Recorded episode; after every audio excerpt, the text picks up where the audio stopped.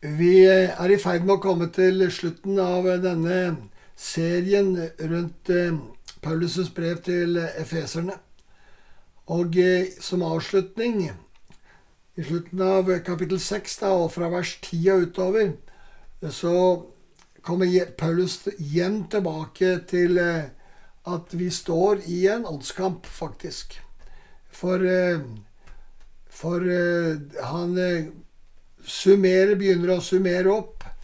Bli, til slutt bli sterke i Herren og i Hans veldige kraft. Men hele tida så er det, det, er, så viktig å tolke hele Guds ord ut fra helhet. Og hva hele Guds ord sier. Og Derfor må, må jeg igjen få minne oss om at Paulus f.eks. i Romerbrevet har åtte kapitler hvor han forklarer hvordan, hvem vi er i Kristus i fars armer og så bruker han tre kapitler på å snakke om hovedsakelig om, eh, om eh, det nye og Israel, forholdet til Israel. At Gud også har en plan med Israel, og at hele Israel skal bli frelst, og at de ikke er uten løfter. Og så, fra, og så bruker han de siste er det vel fire kapitlene, fra, fra kapittel 12 til 16, det er kanskje fem kapitler, hvor han snakker om hvordan kjærlighet Hvordan ser dette ut? Og det er her at man eh, ofte feiler, fordi man begynner å snakke om at vi skal bli forvandlet i sinnet, noe vi skal. Men det er veldig viktig at Paulus da allerede har snakket om fundamentet, nemlig at Guds kjærlighet er utøst i våre hjerter, og at livets ånds lov faktisk er den kjærligheten som er utøst i våre hjerter, og at det er fundamentet. Og når da hjertene våre blir forvandlet, så påvirker det sinnet vårt og tankene våre. Derfor er det veldig viktig å, når vi preker Guds ord, å preke det i sin sammenheng og ha hatt en åpenbaring om hele sammenhengen. Det er også viktig når vi da begynner her å, å, å snakke om denne åndsmaktene, åndskreftene. Og hvor Paulus da begynner å snakke om å ta på en rustning, den fulle rustning, så vi kan stå oss imot djevelens listige angrep. Og Det er veldig viktig å være klar over at djevelen er, har listige angrep. Han kommer på en måte som vi ikke tenker. Og en av de smarteste måtene som han har gjort, skapt i, i, i vår kultur, er jo at han har gjort seg selv usynlig. Eh, du vet, eh, Louis, eh, C.S. Lewis skriver en bok som heter 'Djevelen dypper pennen'. Og da, Der liksom setter han seg inn i djevelens tankegang og så sier djevelen da til I den boka så sier han til demonene sine så sier han enten så må dere sørge for at folk blir så opptatt av dere at dere demonstrerer på en slik måte at folk blir veldig fokusert på åndskamp og på hvem djevelen er. Og hvis dere ikke får til det, sier han, så må dere gjøre dere selv usynlig, slik at folk ikke forstår at dere fins i det hele tatt. Og det er veldig interessant. Du har vært veldig mye i Afrika, som vi har, og reist mye i Afrika. Så ser du at det er utrolig mange menigheter som er opptatt av åndsutdrivelse og gjøre djevelen veldig synlig. Og det er klart han er synlig, men, men, men eh, og menighetene de har disse navnene som, eh, som minner om at det her driver vi med og driver ut demoner. Mens i Vesten, da, som vi bor i, ja, så har akkurat det omvendte skjedd. Altså akkurat det C.S. Lewis påpeker som djevelens strategi, har han lykkes med veldig godt i Afrika. Er de overopptatt med han oss, hos oss? Er det, er det vanlig i kristne sammenhenger, ikke minst i de mer tradisjonelle sammenhengene. Man snakker ikke om det i det hele tatt. Altså, Man ser ikke fiendens listige angrep. Man ser ikke hvordan fienden sniker seg inn, forandrer teologi, gjør at folk plutselig ikke mist, gjør at folk mister fotfeste i, i sann kristendom. Og så gir man seg hen til mange slags filosofier og ideer og underordner seg sekular, sekularismen og, og for å tilpasse seg, og for å ikke møte problemer, kanskje også på den måten. Så vi, altså, vi har den, denne dobbeltheten. Og for mitt vedkommende så er jeg ikke opptatt av djevelen i det hele tatt. Jeg har lært at eh, gi ham minst mulig oppmerksomhet, for han hater, og, hater å ikke få oppmerksomhet. Men han må allikevel få sånn oppmerksomhet at vi ser spillet hans, hans listige spill, som det står her om. Så dere kan stå imot djevelens listige knep. For han kommer listig og snikende for å ødelegge hvem? Menigheten først og fremst. Sjølsagt hver enkelt av oss, men også menigheten, fordi vi har sett at menigheten det er jo Guds våpen.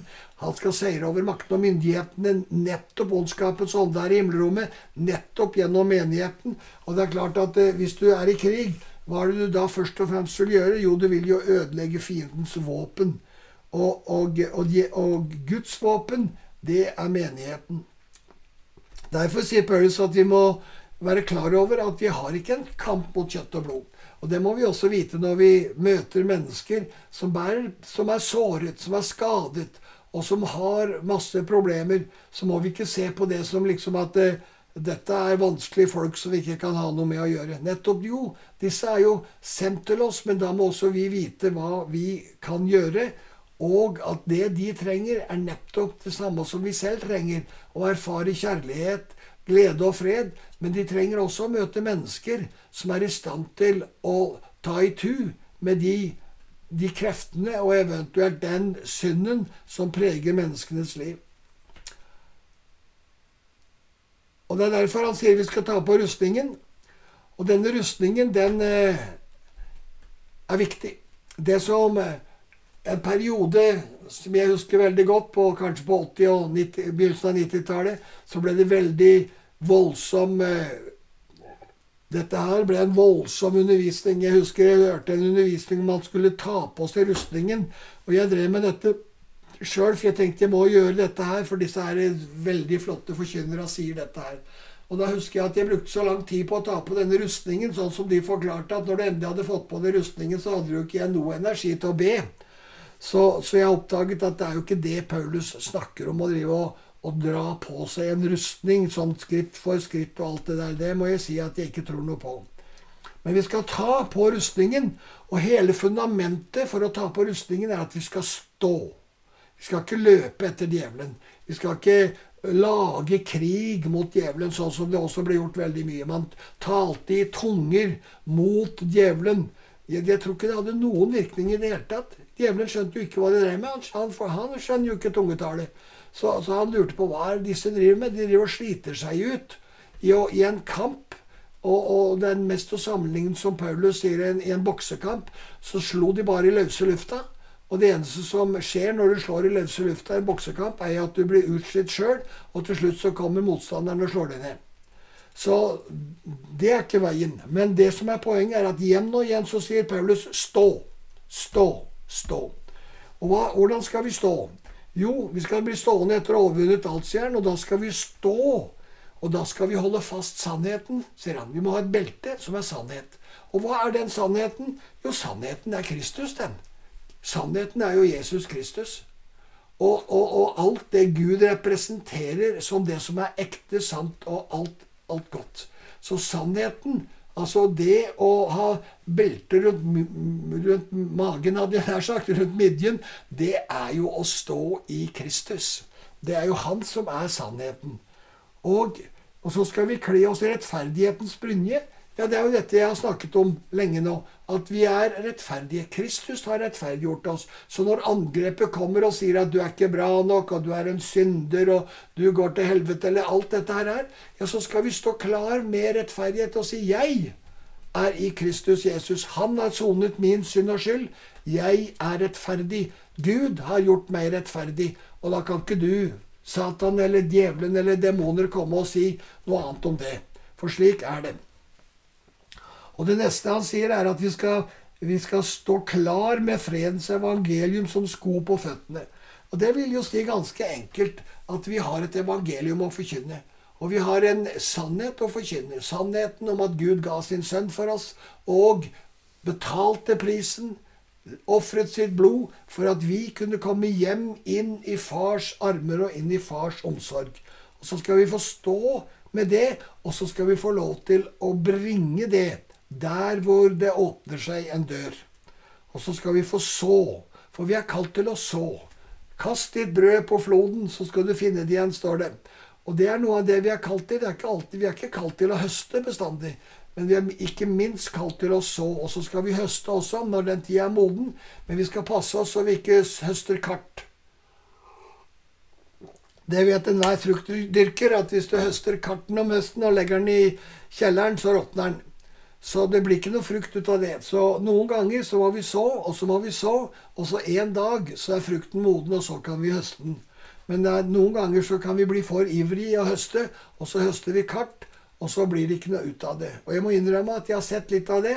Jeg er veldig for evangelisering både her og der, men jeg er ikke for at man presser fram en, en, å, å, å høste kart.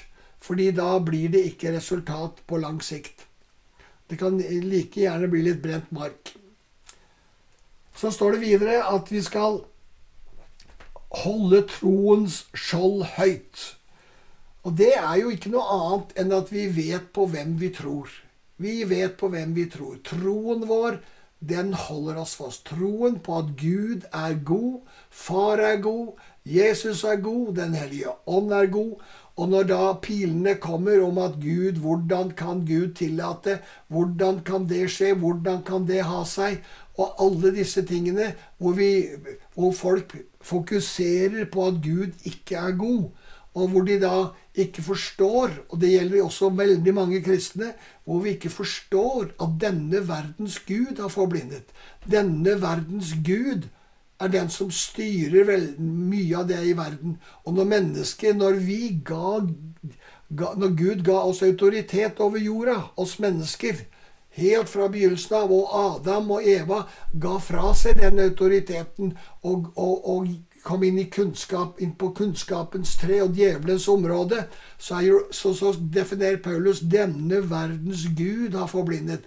Og denne verdens gud er det som står bak ondskap og djevelskap og mye av det vonde og alt det vonde som rammer deg. Og dermed så skal du ikke tro liksom at det er demoner bak alt, men det er, en, det, er, det er krefter i denne verden som vil ødelegge. Og da skal vi stå med troens skjold, sier Paulus og være veldig tydelige på at med den kan vi slukke den ondes brennende piler. Altså de pilene som ønsker å treffe hjertet vårt. Så, og når de treffer hjertet vårt, ja, da trenger vi å hjelpe hverandre. Ja, da trenger vi sjøl å gjøre noe med det. Eller så trenger vi å gå til noen og si at nå har en ond pil truffet hjertet mitt. Jeg trenger at du hjelper meg med å trekke ut denne onde pila. Og så at du kan hjelpe meg med å slik at kjærligheten kan komme og fylle den plassen som denne onde pila har såret hjertet mitt med. For slik er det. Det, vil, det, kommer, onde, det kommer piler, og så er det hva vi gjør med dem, som er viktig, ikke at de kommer. Og så fortsetter Paulus med å si at vi skal være våkne og, og holde ut i bønn. Han sier til og med 'be alltid i ånden'. Ja, det er ikke så lett å holde, I hvert fall ikke for meg. Men jeg forstår at å be i ånden er å være våken. Og kanskje er det å, å, å tungetale, det kan vi jo be med egentlig hele tida. Du kan stå og prate med folk og prate i tunge samtidig som du står og prater med folk. Så du kan være årvåken sånn. Men jeg tror ikke det bare betyr det. Men det betyr en, en varhet og en, en klarhet og en tydelig kommunikasjon. At du er klar i en kommunikasjon med far, slik at du kan høre og se hva han gjør og sier. Og så fortsetter Paulus da med å snakke om å, å be for han. Be for han. Og Det er kanskje noe av det som er viktig for de av dere som ber mye, og egentlig for alle. Så sier han be om at eh, at det må gitt, bli gitt meg når jeg skal tale frimodighet, så jeg kan gjøre evangeliet kjent, og så jeg kan bruke de rette ordene, sier han. Slik at jeg kan få nåde til å nå fram til folk. For det er jo en hemmelighet.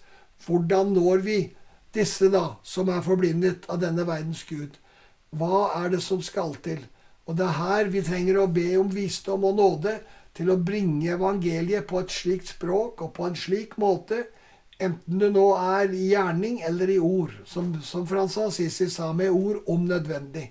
Men at vi, at vi som forkynner også får nåde til å formidle evangeliet slik at det blir tydelig og klart, og med salvelse og åndsåpenbaring. For det er bare når ordet er salvet, er altså, altså ledsaget av Guds ånd, at det treffer hjertet. Og når det da treffer hjertet, så skaper det åpenbaring. Så begynner noe å skje. Så begynner en åpenbaring å komme, å komme. Og dette er noe av det som er avgjørende for at vi skal bringe Guds rike, bringe evangeliet. Paulus snakker ikke om Guds rike, men han snakker alltid om evangeliet, det gode budskap, at vi skal bringe med. Det er ikke det at han er imot det, men han bruker ikke det begrepet. Han bruker hele tida dette begrepet om at evangeliet, de gode nyhetene, hva Gud har gjort, hvem Gud er, hvor fantastisk Gud er, og hvor rik han er, og alt det som Gud er. Det er det vi skal forkynne. Vi skal forkynne Kristus, vi skal forkynne Far, vi skal forkynne Far, Sønn og Hellig Ånd. Vi skal forkynne det hele evangelium med autoritet, salvet av Guds ånd. Og vi skal ikke liksom bare tenke at nå må vi bare forkynne det eller det, men Gud skal bringe oss også fram til en modenhet på det området.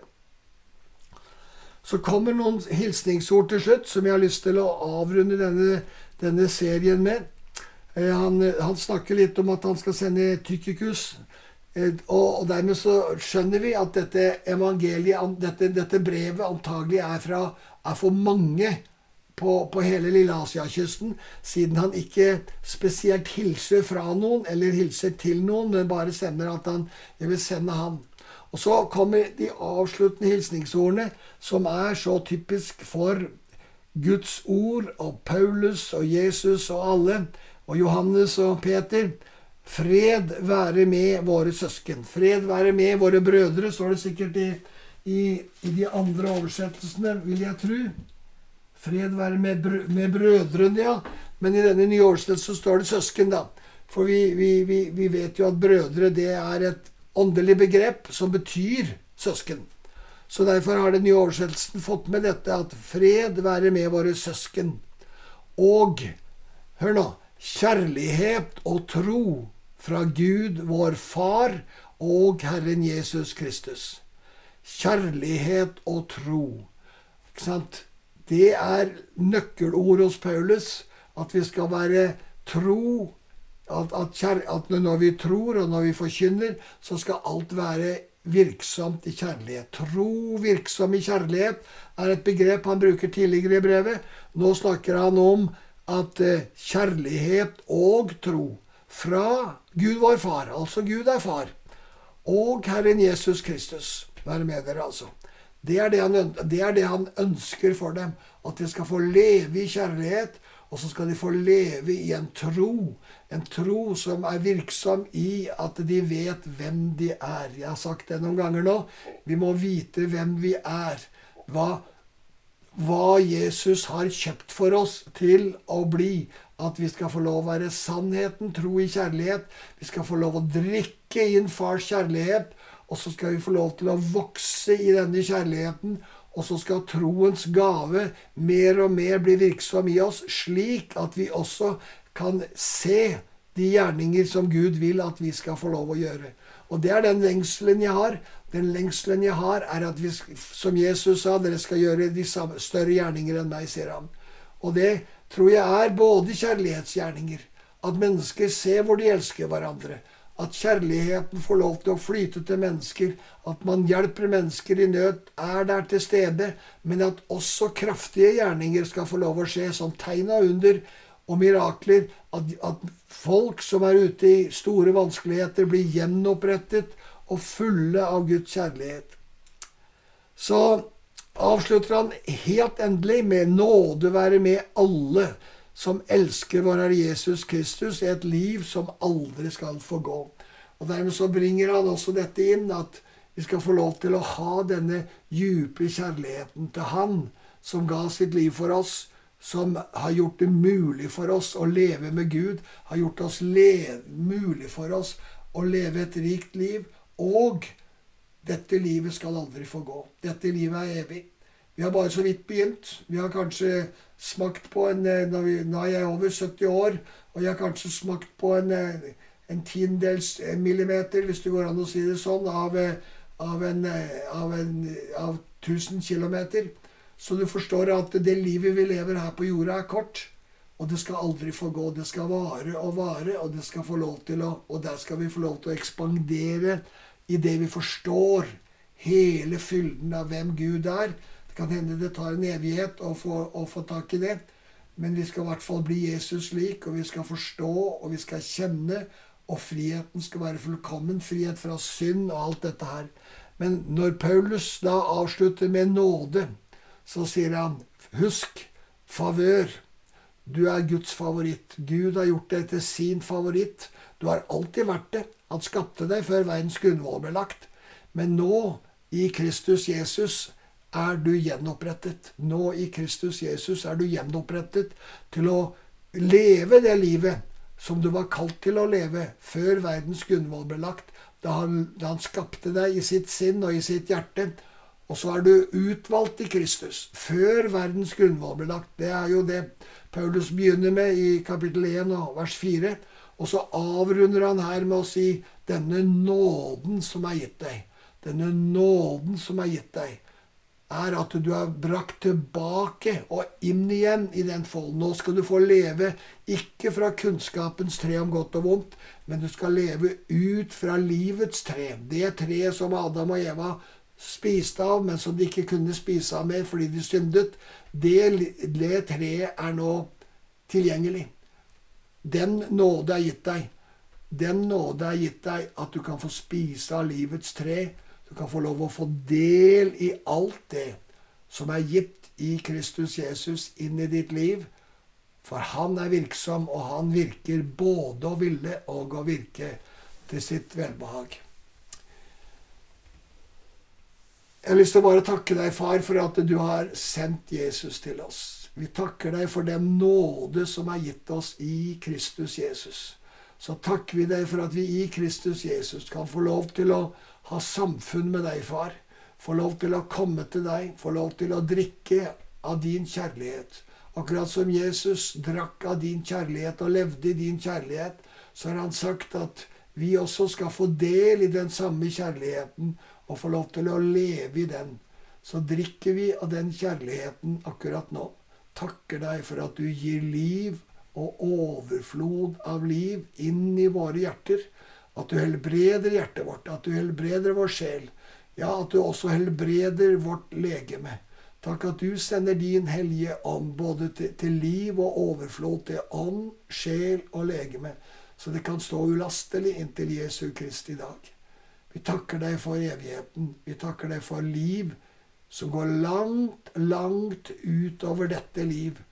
Og så gir du oss nåde til å ha perspektiv også over det noen ganger når dagene er onde. Så velsigner du oss også for oss som, kjenner, som, som, nå kjenner at dagene er onde. Og så løfter du oss opp og tar oss inn i dybden av alt det du har. Takk for den rikdom som er i Kristus Jesus. Takk at herlighetens far er blitt vår far. Vi ærer deg, Gud. Og vi sier vi elsker deg, far. Vi elsker deg, Jesus. Takk, Hellige Ånd for at du er virksom og lever i vårt hjerte. Amen.